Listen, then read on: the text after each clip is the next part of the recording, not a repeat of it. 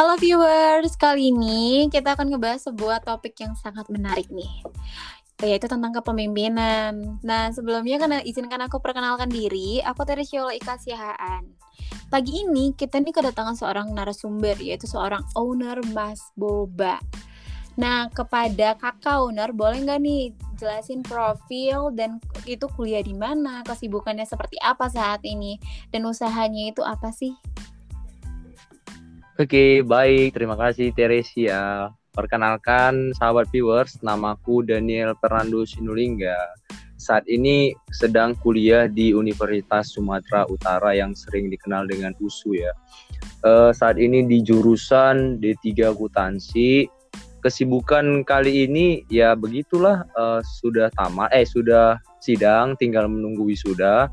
Saat ini sedang cari-cari kerja dulu, tapi kemba saya kembali ke fokus ke usaha yang sudah saya jalani satu tahun belakangan ini. Jadi nama usahanya itu yang seperti sudah dikatakan Mbak Teresia tadi yaitu Mas Boba. Nah, itu letaknya domisili di Medan, Sumatera Utara, dekat rumah saya sih sebenarnya.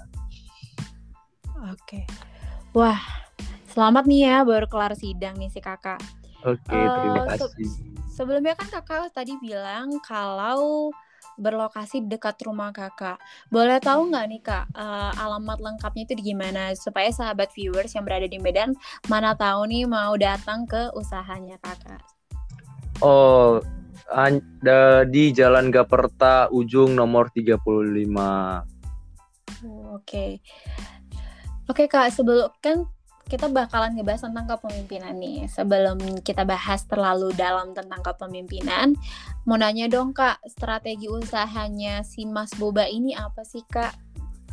Oh, jadi tahun lalu itu saya sebenarnya uh, coba-coba kan karena uh, kebetulan sedang trennya. Lalu saya buat modal bersama teman dan saya saya berdirikan sama Mas Boba itu. Lalu ciri khas yang di yang kami miliki itu sih sebenarnya harganya murah tapi kualitasnya kami tidak berani ngasih yang rendah. Nah jadi kualitas tinggi harga yang murah. Seperti itu ya.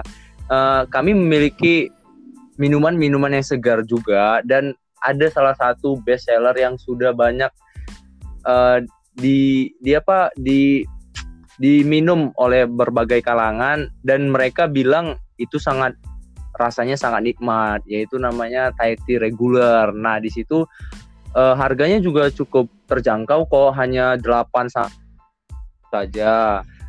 Tapi banyak peminatnya di kalangan itu seperti mahasiswa, adik-adik uh, yang keluar main sore, nah uh, orang yang pulang kerja dan di Mas Boba ini saya punya karyawan juga teman-teman teman-teman seperjuangan kan hanya berdua berdua sama aku ikut aku tiga orang seperti itu.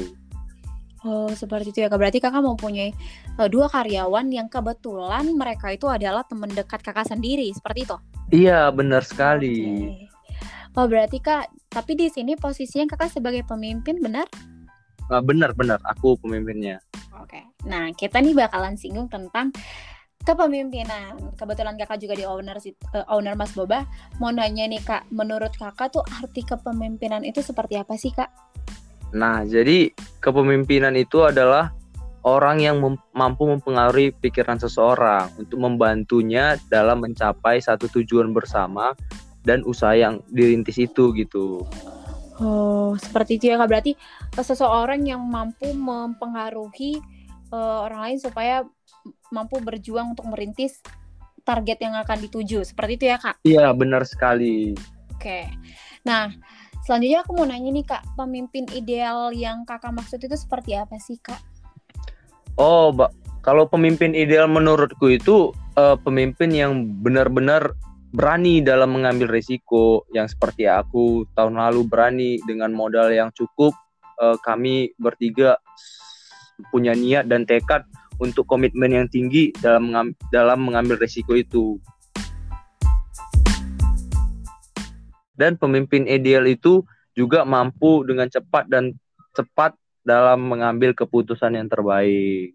sebelumnya kan kakak udah ngejelasin nih tentang pemimpin ideal itu seperti apa. Uh, sekarang aku mau nanya nih kak, uh, dalam kakak memimpin usaha apa sih yang kakak rasain selama ini? Oke baik. Uh, dari aku ngerintis usaha sih sebenarnya pasti ada suka duka ya. Di setiap usaha pasti ada pasti memiliki itu.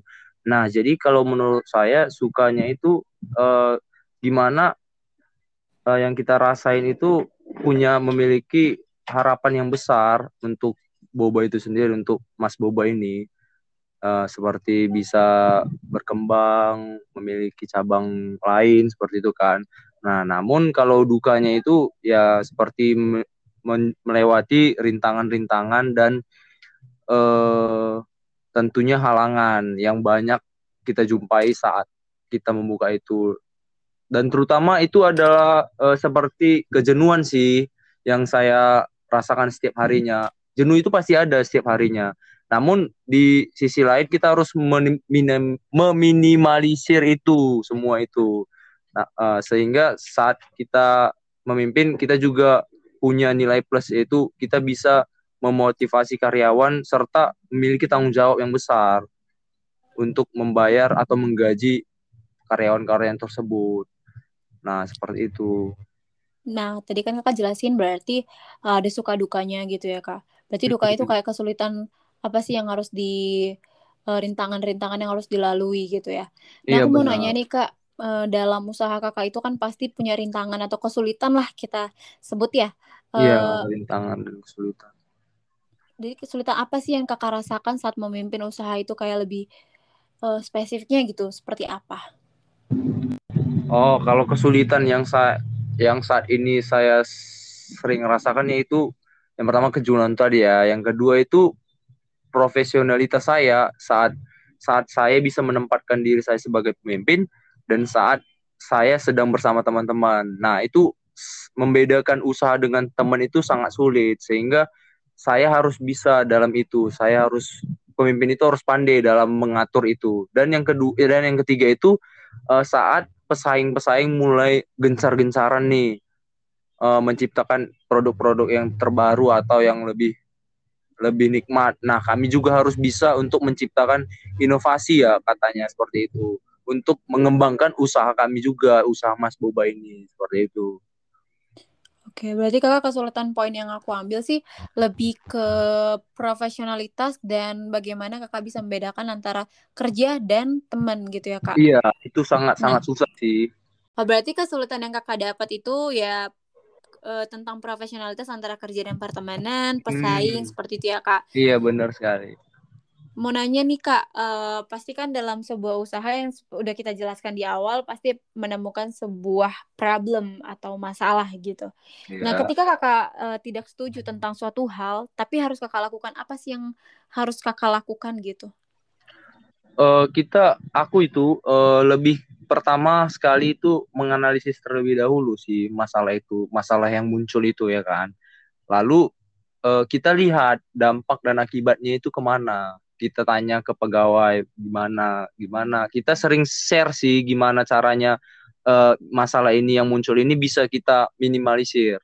Nah kalau dampaknya itu ke keuntungan ke ke arah yang lebih baik mah uh, biarpun saya nggak setuju ya udah saya lakuin aja demi demi keuntungan dan ya kesejahteraan teman-teman karyawan itu kan Oh, berarti kakak uh, menganalisis terlebih dahulu ya, dan setelah itu um, mengetahui nih oh, keuntungannya atau dampak positifnya seberapa besar, walaupun kakak tidak setuju. Iya benar. Nah selanjutnya mau nanya sih kak, uh, bagaimana sih kak sikap kakak ketika menemukan masalah yang sama sekali belum pernah ditemukan apalagi kan kita mengetahui nih kakak kan baru bangun usahanya satu tahun yang lalu pasti kan banyak nih masalah-masalah yang uh, belum pernah kakak temukan. Apa sih yang kakak lakukan?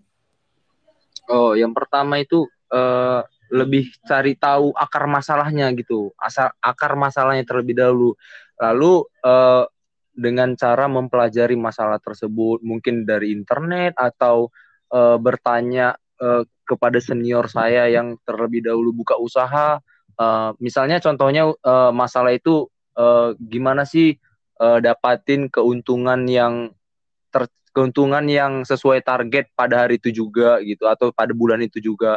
Nah, saya lebih sering sih sharing sih ke ke abang-abang saya yang sudah pernah membuka usaha seperti ini. Nah, seperti itu sih kalau menurut saya. Nah, Kak, Kakak kan tadi udah bilang nih kalau misalnya Kakak itu mencari tahunya itu dari internet dan dari uh, senior-senior Kakak yang sudah membangun usaha lebih dahulu. Selanjutnya aku mau nanya nih Kak, uh, masih seputar tentang kepemimpinan, mau nanya tentang apa sih yang harus kita siapkan dalam memimpin sebuah usaha atau sebuah organisasi gitu, Kak? Oke, baik, terima kasih. Uh, pertama sekali sih, kalau menurut aku kita itu harus punya modal ya. Di mana-mana kalau kita nggak punya modal itu sama aja nol ya kalau dalam membangun usaha uh, gampang sih mencari modal sekarang. Kita bisa minjam ke bank atau kita bisa uh, minjam ke teman-teman atau ke orang tua. Nah, tahun lalu itu aku membentuk dan merintis usaha ini, aku sih lebih ke minjam ke orang tua. Nah, jadi bukan bukan minta tapi minjam. Nah, jadi aku itu minjam yang akan aku kembalikan nanti kemudian hari saat aku udah punya profit atau uh, keuntunganku itu di atas daripada modalku. Nah, lalu yang kedua itu uh, kita harus punya komitmen. Setelah komitmen ini ada, lalulah kita harus punya keberanian dalam menjalankan usaha.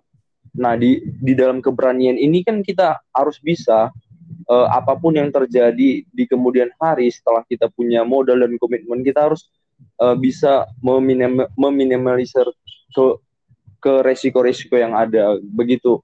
Lalu setelah itu setelah ada keberanian uh, lalu ada manajemen emosi. Nah, di manajemen emosi inilah kita harus benar-benar bisa mengendalikan emosi yang kita miliki. Artinya kan setiap hari kan pasti punya masalah toh di di setiap harinya uh, kita buka boba ini seperti itu kan. Apalagi kan uh, misalnya aku pengalamanku nih satu tahun buka boba ini kan itu karyawan juga teman-temanku tuh. Nah dari dari satu masalah ke masalah lain pasti kan itu berhubungan. Jadi manajemen emosi ini sangat dibutuhkan. Apalagi kita tahu misalnya anggota atau karyawan itu kan sering jenuh tuh.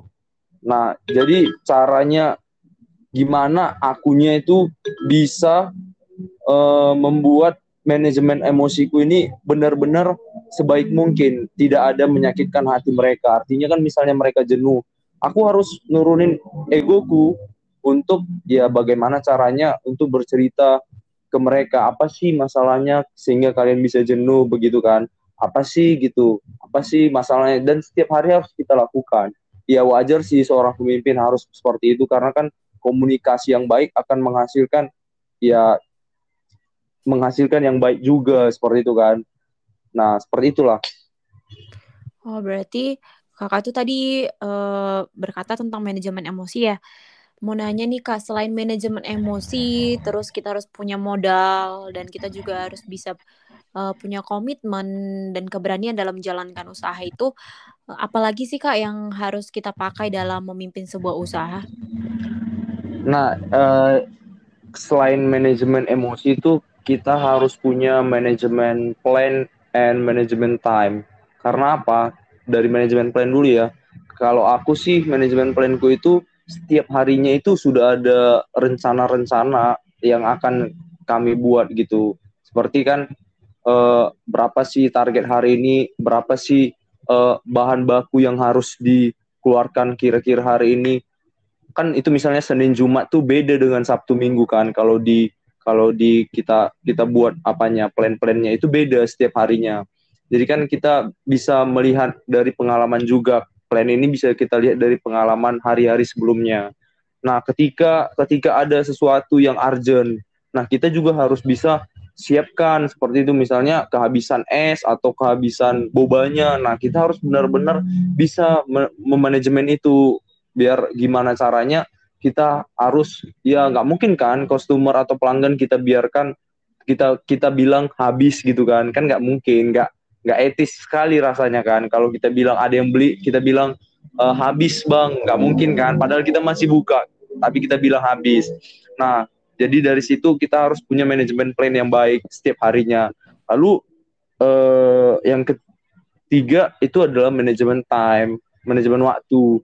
Nah, nah ini ini sangat krusial sih. Artinya aku itu harus bisa membagi-bagi waktuku. Misalnya aku tuh kan dulu dari satu tahun ini sering juga ada organisasi juga seperti paduan suara, seperti ya terus gereja, terus uh, ada nyusun skripsi. Nah, itu sangat uh, aku rasakan sih sangat berat ya, apalagi di bulan-bulan bulan-bulan tertentu. Misalnya di paduan suaraku itu ada ngisi acara di salah satu gereja untuk nikahan. Nah, di situ kan uh, kami kan latihan juga malam.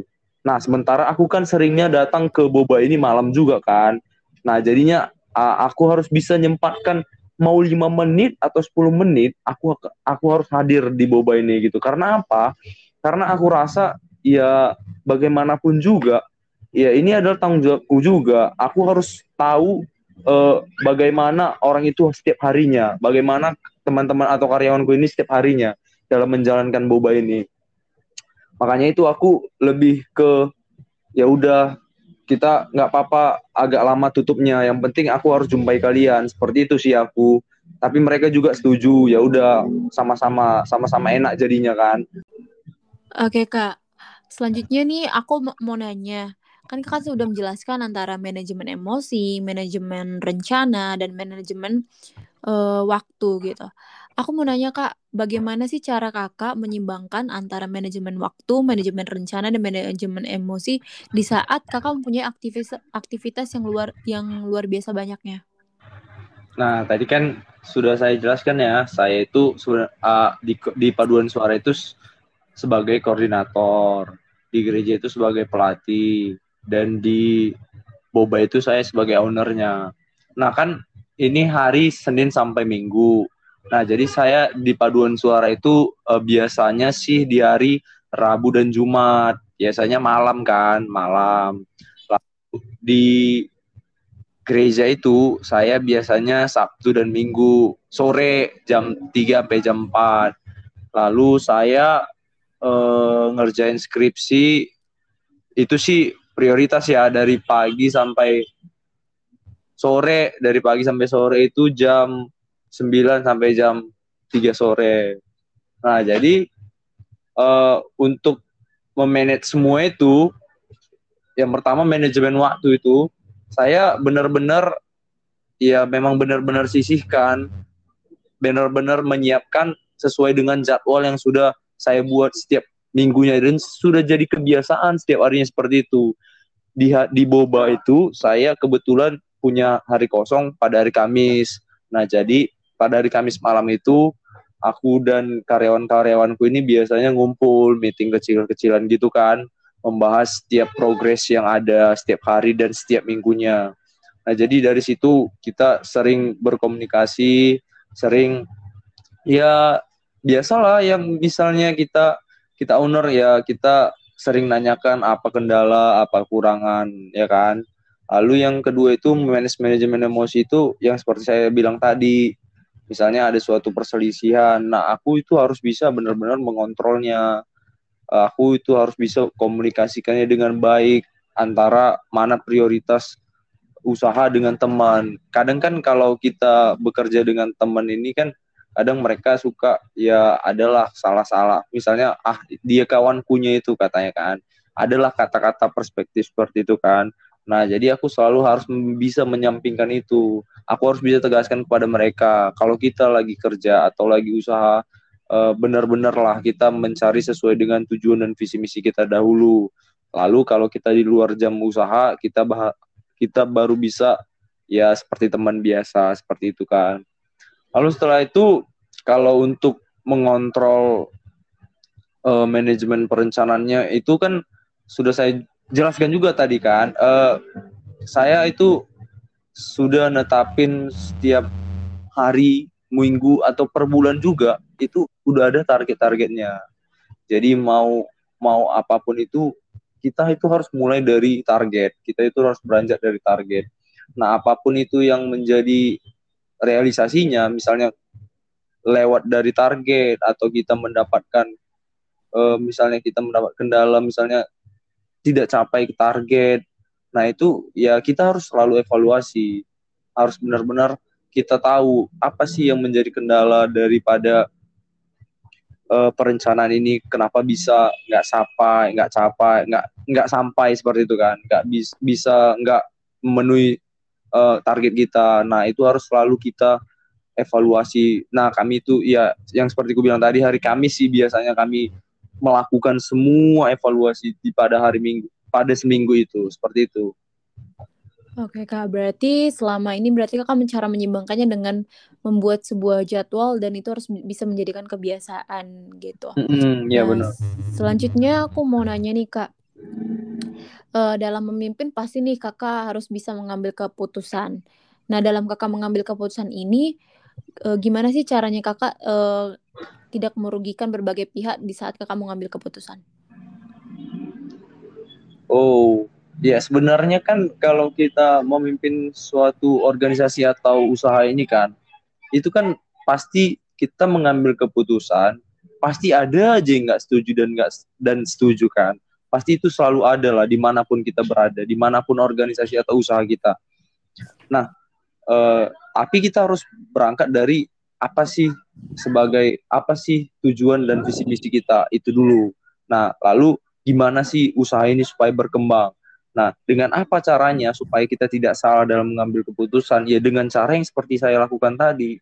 Saya setiap hari Kamis melakukan ya malam Kamis malam melakukan meeting kecil-kecil dengan karyawan-karyawan saya itu kan. Nah, jadi saya harus tanya pendapat mereka, tanya pendapat A, tanya pendapat B, bagaimana, apa yang menjadi kendala, apa yang menjadi pandanganmu setiap hari ini, apa yang menjadi pandanganmu setiap uh, setiap ada ini gitu kan. Itu kita harus lakukan harus kita tanya karena apa pun yang menjadi masalah di boba ini itu harus tanggung jawab saya, tanggung jawab daripada owner seperti itu kan.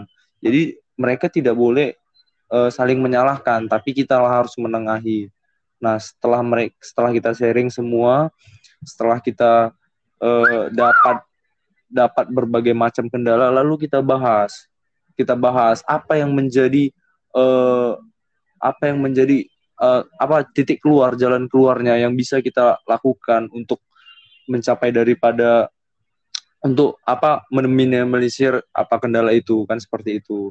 Nah, jadi keputusan yang saya buat A B C D E. Nah, lalu saya tanya kepada mereka lagi mereka lagi apakah mereka setuju dengan keputusan ini. Uh, lebih ke musyawarah sih, lebih ke ya sama-sama setuju seperti itu kan. Lebih ke ya ngomong santai tapi bermakna artinya seperti itu. Jadi jangan jangan jangan lari lari dari lari dari apa? Lari dari topik. Artinya kalau ada masalah ah apa yang apa yang menjadi uh, apanya? Apa namanya?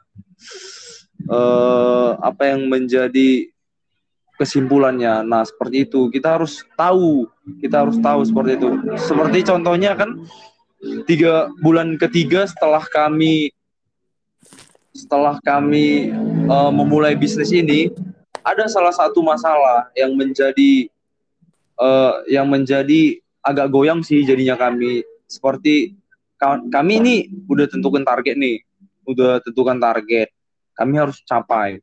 Lalu uh, ternyata di luar usaha ini kami kan berteman juga. Nah ternyata yang karyawan ini yang berdua ini ada selisih paham sedikit mengenai satu masalah lah. Nah, di sini kami buyar, artinya kayak semana lah namanya laki-laki juga ya kan, laki-laki semua. Uh, gimana cara menyatukan persepsi A, B, dan C, gimana cara menyatukan pandangan itu semua kan. Lalu aku sebagai owner berpikir, uh, lebih baik aku menengahi lah, timbang setiap harinya ya jadi kayak semacam kayak musuh atau jadi berantem. Jadi kerja pun aura kerja itu nggak dapat seperti itu kan. Jadi kayak kacau balau artinya jadi mut-mutan gitu kan lalu aku uh, tanya pada mereka gimana apa yang menjadi masalah kenapa seperti ini? Gitu kan kenapa mereka cerita lalu aku tengahin ya udah kasih kasih arahan ke A kasih arahan si B. Nah di situ sangat terasa sih goncangannya. Lalu aku lalu aku uh, ingatkan pada mereka kita harus selalu bersama. Apa pun yang menjadi masalah kita tolong dikesampingkan karena apa? Karena kita udah uh, membentuk satu tujuan visi misi kita terlebih dahulu sebelum ada masalah ini. Ingat lagi ingat lagi tujuan dan visi misi itu sehingga kita bisa capai target yang akan kita lalui bersama-sama. Nah mungkin itu sih yang menjadi menjadi jawaban atas pertanyaan ini. Seperti itu Oke Kak, kan Kakak sudah menyampaikan nih gimana caranya Kakak dalam mengambil keputusan tanpa merugikan berbagai pihak. Dan Kakak juga udah menjelaskan kalau sebenarnya dalam kita mengambil keputusan itu pasti ada sedikit merugikan berbagai pihak atau ada beberapa pihak yang tidak setuju. Namun bagaimana caranya kita supaya eh, keputusan yang kita buat itu uh, menjadi penengah dan kerugian yang kita alami atau dampak yang kita alami itu tidak terlalu begitu besar seperti itu. Nah, mau nanya kembali Kak, untuk peran seorang pemimpin dalam sebuah usaha atau organisasi menurut Kakak seberapa besar sih? Oh, kalau peran pemimpin di organisasi atau di usaha itu saya pikir sangat jelas, sangat sangat sangat sangat besar ya perannya, sekitar 95% bahkan sampai 100%. Karena apa? Karena kita saat memimpin itu harus memang benar-benar memperhitungkan apa pun itu. Dan saat kita salah mengambil keputusan, maka anggota-anggota kita yang mengikut kita itu sa salah juga. Jadi kita harus benar-benar uh, mengambil keputusan dan itu dan mengambil resiko itu harus benar-benar jelas. Seperti saya di organisasi saya kan, paduan suara. Uh, saat kami ingin mengikuti atau hendak melangkah lebih maju mengikuti suatu kompetisi, itu kami harus memikirkan apa pun itu. Aku, aku tentunya aku dan beserta uh, koordinator lain. Kalau koordinator ini bisa disebut dengan pemimpin juga lah kan. Nah, aku dan koordinator-koordinator lain itu harus benar-benar memikirkan apa yang menjadi uh, masalah-masalah yang akan timbul. Jadi kita sebagai pemimpin ini tidak boleh uh, tidak boleh mengesampingkan resiko-resiko yang ada. Hanya berpikir ah gampang lah itu, ah bisanya itu nanti di kemudian hari, bisanya itu nanti. Tidak boleh. Jadi mulai dari kita membentuk rencana, kita dari melakukan survei, itu kita harus jelas. Pemimpin itu harus benar-benar melihat semua semua, tidak hanya satu mata, melainkan dua mata. Jadi apa pun yang menjadi masalah di kemudian hari, uh, pemimpin sudah punya plan, rencana itu. Nah, jangan pernah lari dari rencana, karena ketika kamu lari dari rencana, maka buyar semua yang udah kamu lakuin. Artinya apa? Ketika kamu punya rencana A, maka ikuti aja dulu A. Jangan pernah lari ke B. Nah, suatu keadaan darurat, maka misalnya kita disuruh untuk ke plan B, maka lalu ya seperti yang sudah disepakati kita ke plan B. Tapi kalau bisa diusahakan tetap di plan A, maka tetaplah di plan A. Nah, seperti itu. Peran pemimpin itu sangat besar. Keputusan itu sangat harus cepat dan tepat diambil. Nah, seperti itu. Oke, baik, Kak. Uh, berarti harus punya uh, cepat dan tepat ya dalam mengambil keputusan dan mempunyai peran yang sangat besar sekali ya kak. Benar. Nah selanjutnya kamu nanya untuk um, bagaimana sih supaya kita mengetahui bahwa seseorang itu memiliki kapasitas nih sebagai pemimpin. Boleh di dikasih tahu nggak kak bagaimana kita mengetahuinya? Nah ini menarik nih kapasitas pemimpin. Uh, sebenarnya semua orang itu bisa jadi pemimpin.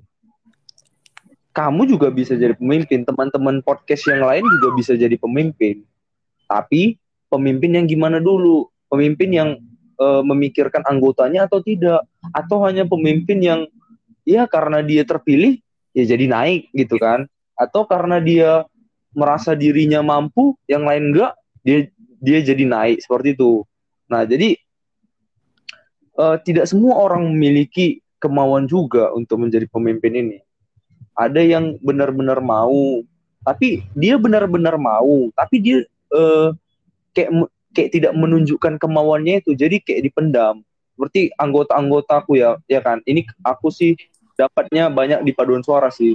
seperti di paduan suaraku kan um, aku lihat dia itu bisa jadi pemimpin selanjutnya nah namun dia ada sisinya yang dia tidak bisa yang dia uh, tidak memunculkan itu. Jadi seakan-akan orang melihat dia itu tidak bisa. Tapi menurutku dia itu bisa tapi tidak dimunculkannya sifatnya itu ya kan? Lalu ada juga yang uh, dia seakan-akan pengen sekali nih jadi pemimpin. Uh, dia mengutarakan akulah setelah abang aku jadi pemimpin seperti itu kan.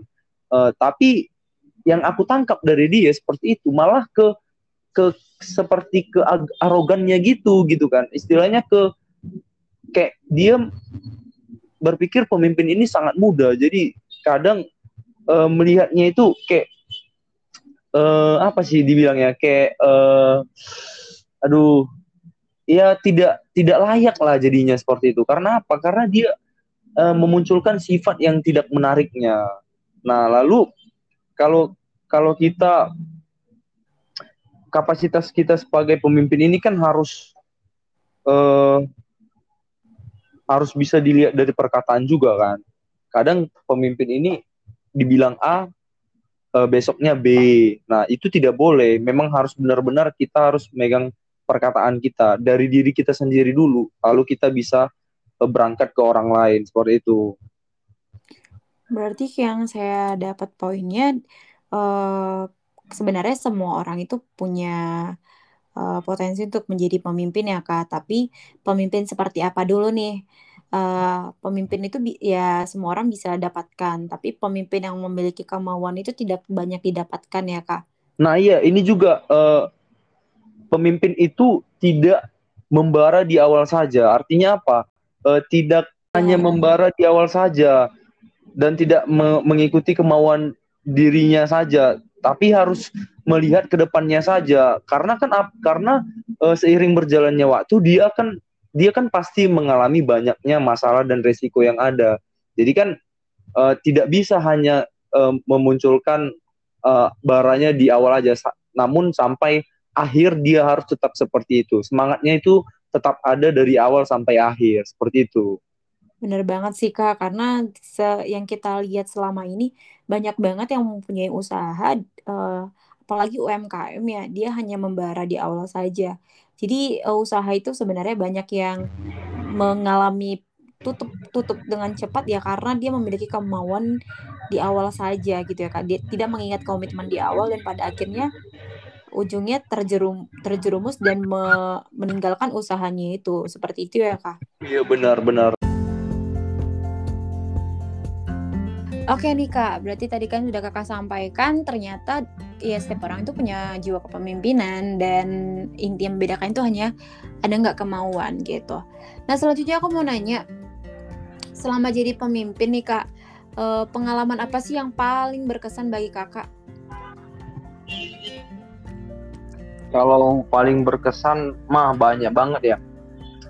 Uh, mulai dari awal membentuk dan merintis usaha itu sangat berat. Contohnya apa? Ketika aku itu pengen banget untuk membuka usaha ini. Hal yang paling terkendala kemarin itu adalah modal. Aku udah nanyakin ke teman-teman, mereka bilang nggak ada. Aku tanyain ke orang tua pertama ini pertama sekali. Dia bilang juga belum ada. Aku tanya kembali pak ma aku mau bentuk satu dibilang uh, usaha lah ya kan uh, boleh nggak modalin aku dulu? Nanti kalau sudah uh, dapat keuntungan atau profitnya aku akan kembalikan modal itu. Aku ini tanya yang kedua kali dan mereka jawab ya dibilang ya udah kamu mau berapa? Nah dari situ aku sudah dapat modalnya. Uh, lalu uh, aku bentuk uh, aku cari teman-temanku teman-teman seperjuanganku dulu.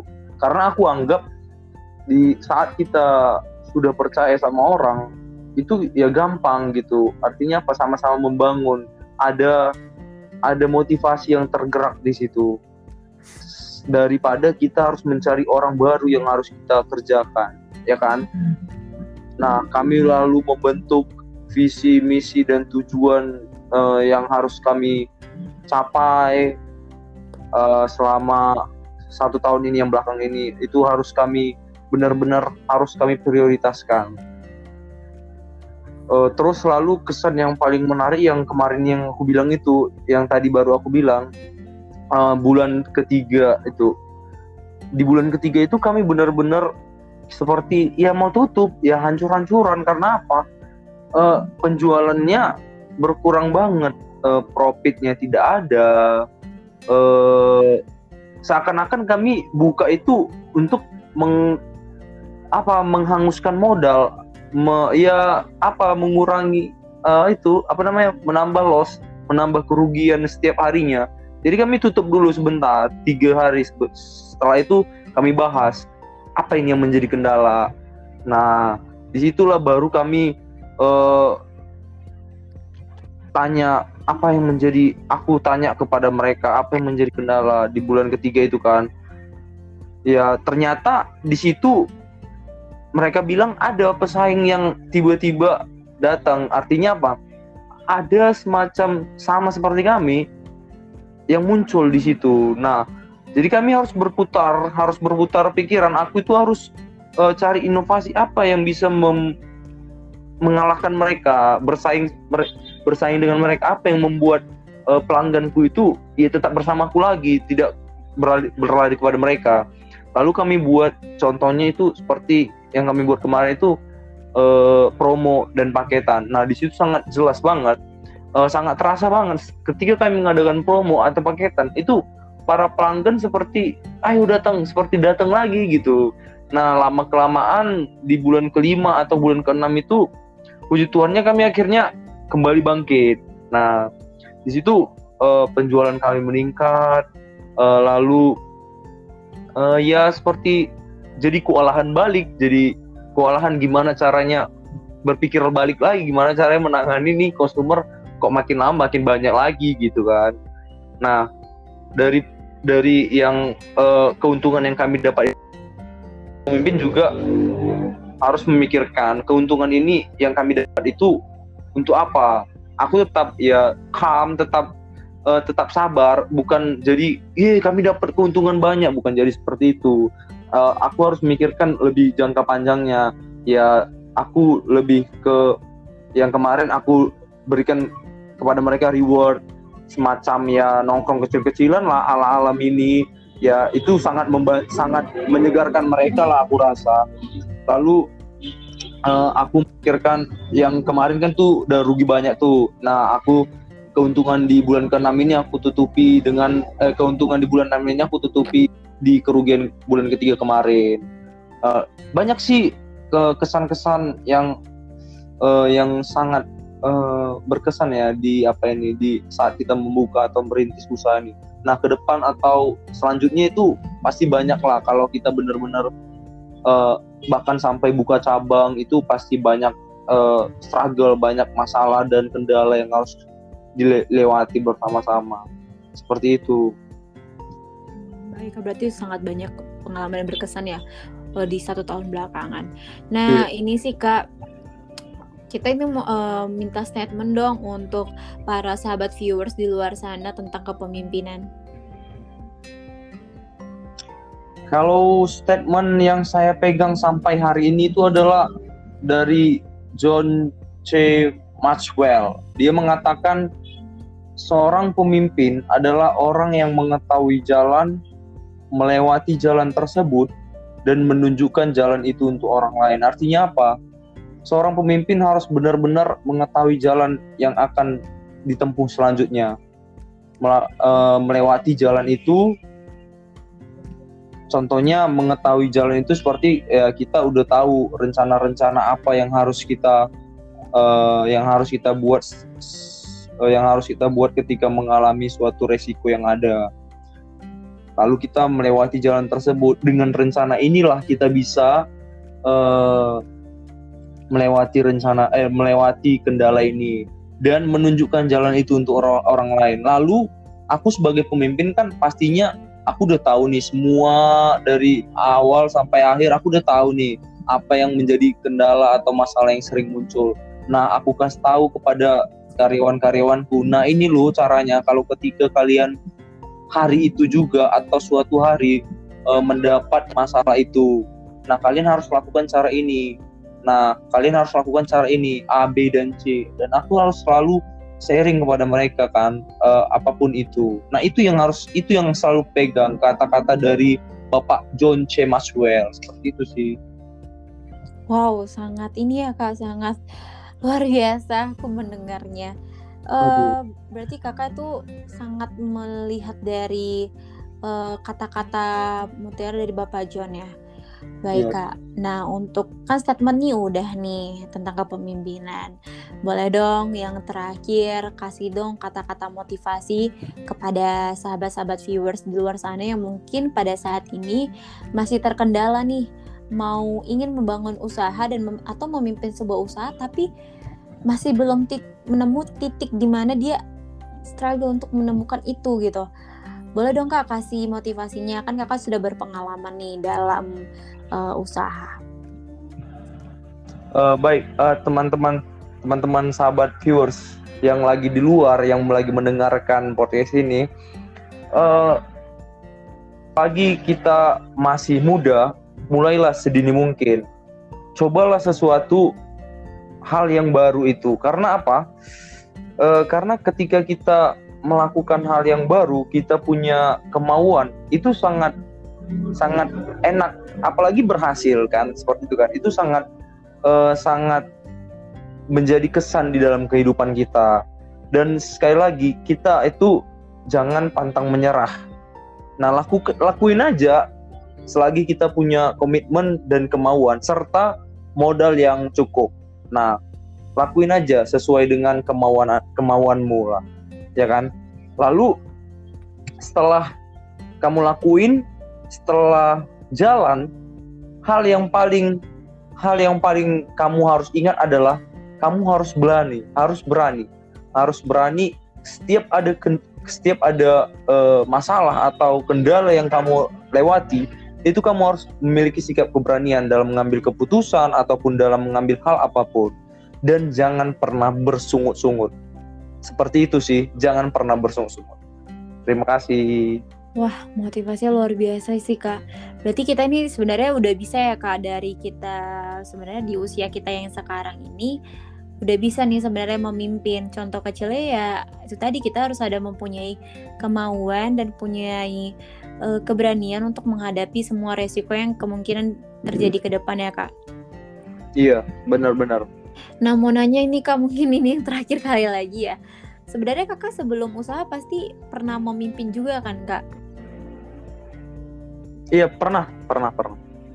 Dan itu kalau boleh tahu memimpin apa ya kak sebelum memimpin usaha? Uh, aku aku banyak pemimpin di organisasi. Aku kan itu orangnya uh, suka hobi nyanyi ya. Mm-hmm. Aku sering uh, ikut organisasi di luar ataupun di dalam uh, aku kan agama Kristen tuh aku sering ikuti di luar ataupun di dalam gereja nah aku di luar itu paduan suara salah satu paduan suara di kota Medan ini juga ada gitu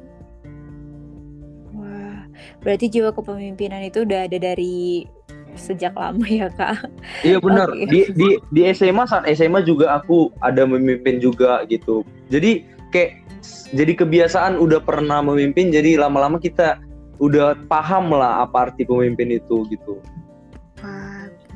Oke baik baik kak. Kak terima kasih ya untuk beberapa sharingnya tentang kepemimpinan dan bahkan tentang usahanya. Uh, mungkin uh, saya sih harapnya dari podcast kita kali uh, podcast kita ini bisa membantu sahabat-sahabat viewers yang mungkin terkendala untuk ingin memimpin sebuah usaha. Dan ingin mengetahui nih apa aja nih uh, yang harus dihadapi dalam bangun usaha dan bagaimana sih cara memimpin itu yang baik dan ideal. Seperti itu semoga membantu mereka sih kak. Dan aku juga mau terima kasih sama kak Daniel Fernando sebagai owner Mas Boba. Aku harapnya ya usaha yang kakak jalani bisa berkembang bahkan uh, bisa bertambah cabang dan harapannya sih bisa cabangnya ada di Bandung sih supaya aku bisa mencoba hasil. Please, boleh boleh boleh. Itu sih mungkin ya kak. Terima kasih untuk waktunya kak. Uh, mungkin ini udah ada 45 menit lebih kali ya kita berbicara tentang kepemimpinan ter gak terasa gitu. Sudah lama juga kita bahasnya. Uh, mungkin di akhir kata aku mau ngucapin sekali lagi terima kasih sudah mau sharing dan untuk sahabat viewers semoga uh, podcast ini tentang kepemimpinan bisa membantu kalian dan harapannya sih bakalan bisa buat podcast lagi ke depannya dan tentang hal-hal yang menarik lainnya. Oke, okay, selamat malam. Akhir kata saya Teresiola Ika Siahaan uh, pamit dari podcast ini. Terima kasih.